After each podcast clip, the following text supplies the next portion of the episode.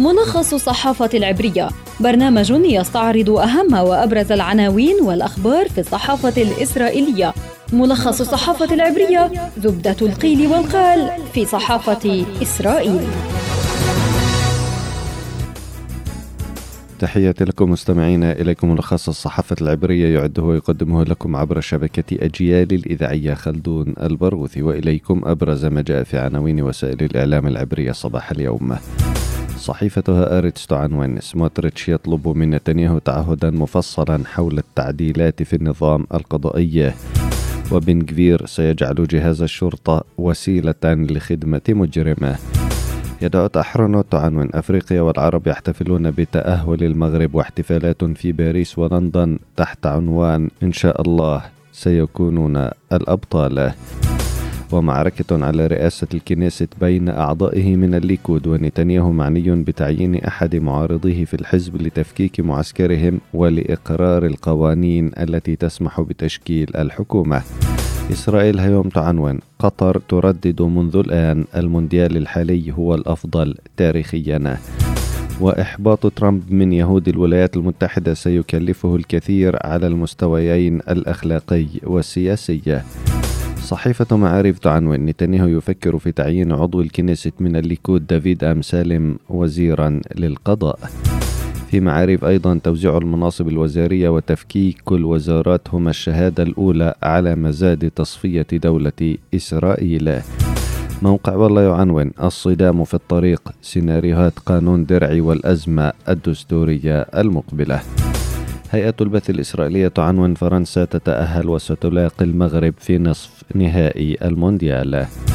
ومساء تاريخي بالنسبة للمغرب واحتفالات عابرة للحدود تكتب هيئة البث الإسرائيلية.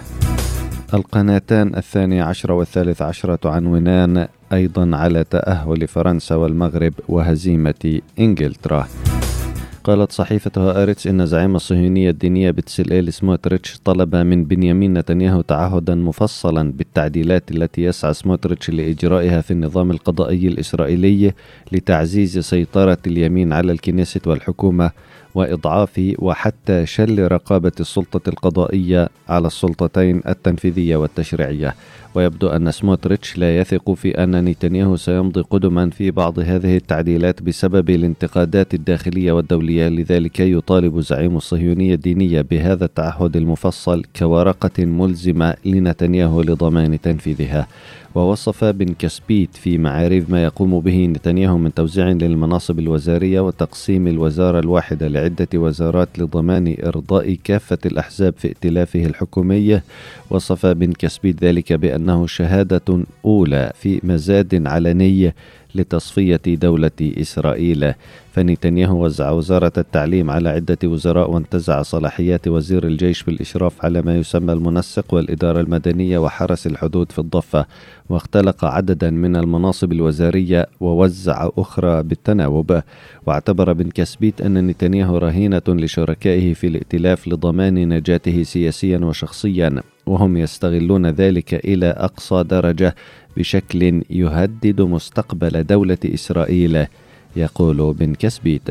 في السياق ذاته يبدو أن مهلة تشكيل الحكومة قد تواجه عقبات قضائية أيضا إذ قد ترفض المحكمة العليا الإسرائيلية القانون الذي يسمح لزعيم حركة شاس أريا درعي بتولي منصب وزاري لصدور حكم بالسجن مع وقف التنفيذ ضده. وهذا قد يعطل تشكيل الحكومة وقد تسمح المحكمة العليا بذلك أو قد يتم إقرار قانونين معا. الأول يسمح لدرعي بتولي المنصب والثاني قانون تجاوز المحكمة العليا لمنعها من إلغاء قانون أقره الكنيسة.